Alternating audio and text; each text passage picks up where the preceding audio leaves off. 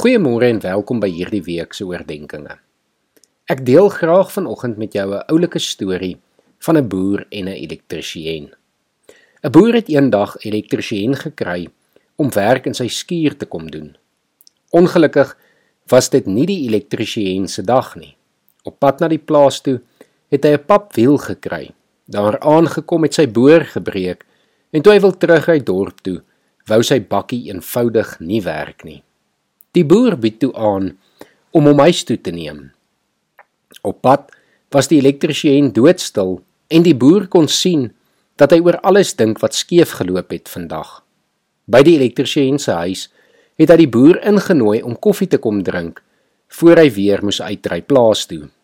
Op pad na die voordeur het die elektriesien by 'n klein boom gestop en aan sy blare geraak. En toe hy die deur oopmaak, het die man 'n totale transformasie ondergaan. Hy het met opgewondenheid en 'n groot glimlag sy kinders opgetel en sy vrou gegroet. Na die koffie, op pad terug verby die boom, het die boer die elektriesien gevra wat hy by die boom gedoen het en hoekom dit so positiewe effek op hom gehad het. Hy antwoord toe dat die boom sy kommerboom is.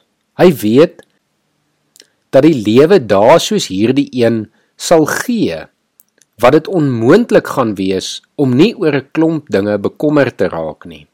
Maar hy wil dit nooit saam met hom in die huis inneem nie.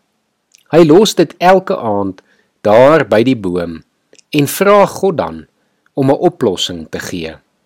En snaaks genoeg, elke oggend is die bekommernisse 'n klein bietjie minder as wat hy dit die vorige aand onthou. Die lewe gee dikwels vir ons probleme en ons raak maklik bekommerd oor baie van dit wat die lewe na ons kant toe bring.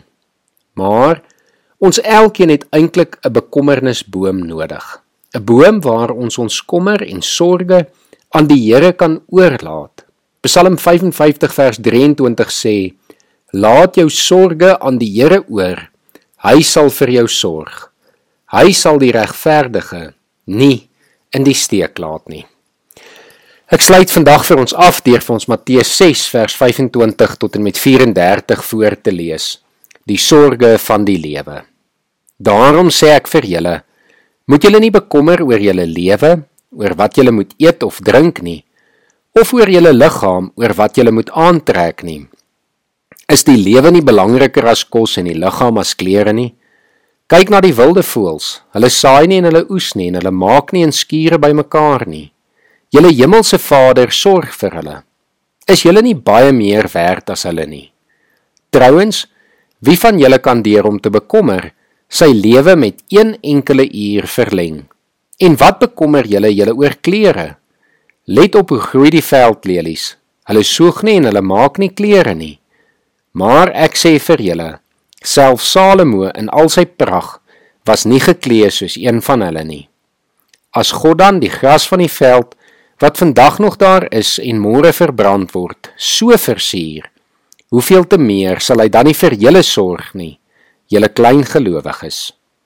Julle moet julle dus nie bekommer en vra wat moet ons eet of wat moet ons drink of wat moet ons aantrek nie.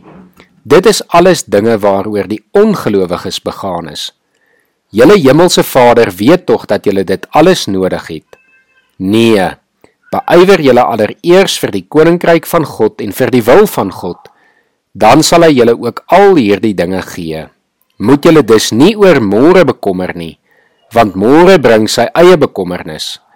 Elke dag bring genoeg moeilikheid van sy eie. Kom ons bid saam. Here, dankie dat ons ons sorges en ons bekommernisse by u voete kan kom neerlê. Here mag u vandag by elke luisteraar wees, mag u hulle seën met rustigheid en vrede en ook die wete, Here, dat u in die woord vir ons beloof dat u vir ons sal sorg. Ons dankie daarvoor en ons bid dit in Jesus se naam alleen. Amen.